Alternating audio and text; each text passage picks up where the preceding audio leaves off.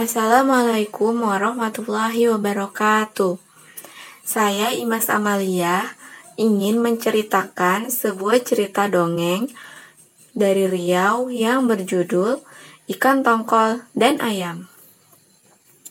Zaman dahulu, di Pulau Natuna dan Anambas, semua hewan saling bersahabat, baik yang hidup di darat maupun di laut. Di antara mereka, yang bersahabat dengan baik adalah ayam dan bangsa ikan tongkol. Bangsa ayam mendatangi bangsa ikan tongkol untuk mengabarkan ada pesta dengan jikir bardah. Jikir bardah adalah doa atau puji-pujian berlagu pada malam bulan purnama. Bangsa Tongkol, pada malam bulan purnama akan diadakan pesta barda. Seru bangsa ayam. Mendengar berita ini, bangsa ikan tongkol menyambut gembira. Mereka memang sudah lama ingin menyaksikan jikir barda yang menampilkan tetabuhan rebana dari jarak dekat. Apalagi acara tersebut berlangsung pada bulan purnama, yaitu saat pasang udara. Kami akan datang. Terima kasih atas undangan kalian, kata pemimpin ikan tongkol. Aku pun bahagia karena kita bisa berpesta bersama di darat, jawab ayam. Namun, sebelumnya aku mohon pertolongan kalian Berkokoklah sebelum fajar menyingsing saat udara laut akan surut. Jangan sampai terlambat, karena rakyatku pasti akan celaka. Minta pemimpin ikan tongkol. Tenang saja, tanpa kau minta, kami pasti akan berkokok jauh sebelum matahari terbit. Itu memang sudah menjadi tugas kami setiap hari. Seru sang ayah meyakinkan saat yang ditunggu pun tiba. Saat bulan purnama tiba dan pasang udara laut, segerombolan ikan tongkol berbondong-bondong menuju daratan. Pasang udara membawa mereka di bawah panggung tempat cikir bardah berlangsung. Mereka terlena dengan alunan rebana, lantunan zikir, dan juga pantun. Acara tersebut berlangsung hingga larut malam bangsa ayam tentu saja ikut larut dalam kegembiraan. Mereka pun terlena dengan kemeriahan pesta. Semua yang hadir dalam acara tersebut baru selesai di pagi hari. Bisa dipastikan mereka semua terlambat bangun. Begitu pula dengan ikan tongkol. Mereka tentu saja terkejut karena matahari sudah meninggi dan air laut telah kembali surut.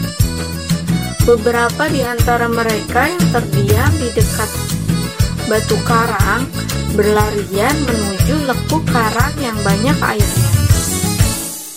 Namun, sebagian lagi tidak dapat mencapai tengah karena pantai telah mengering.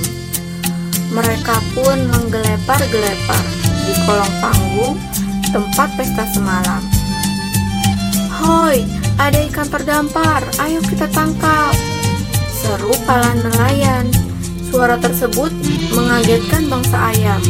Mereka semua langsung terbangun.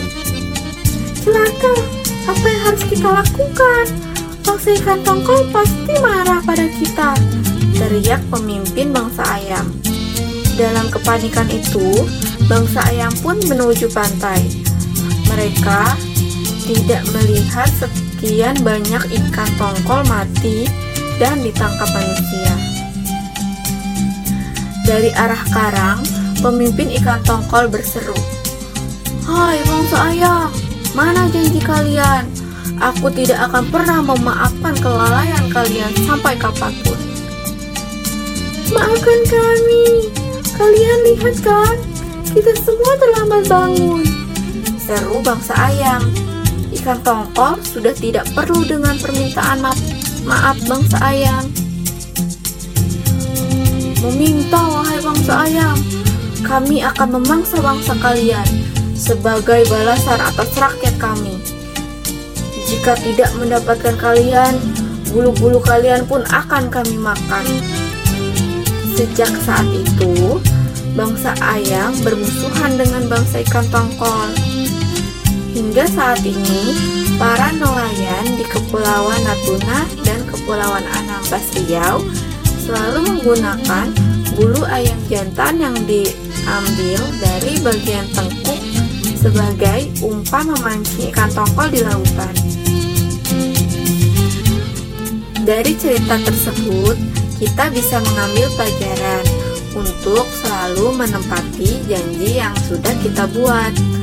Karena sebuah janji memang harus ditepati.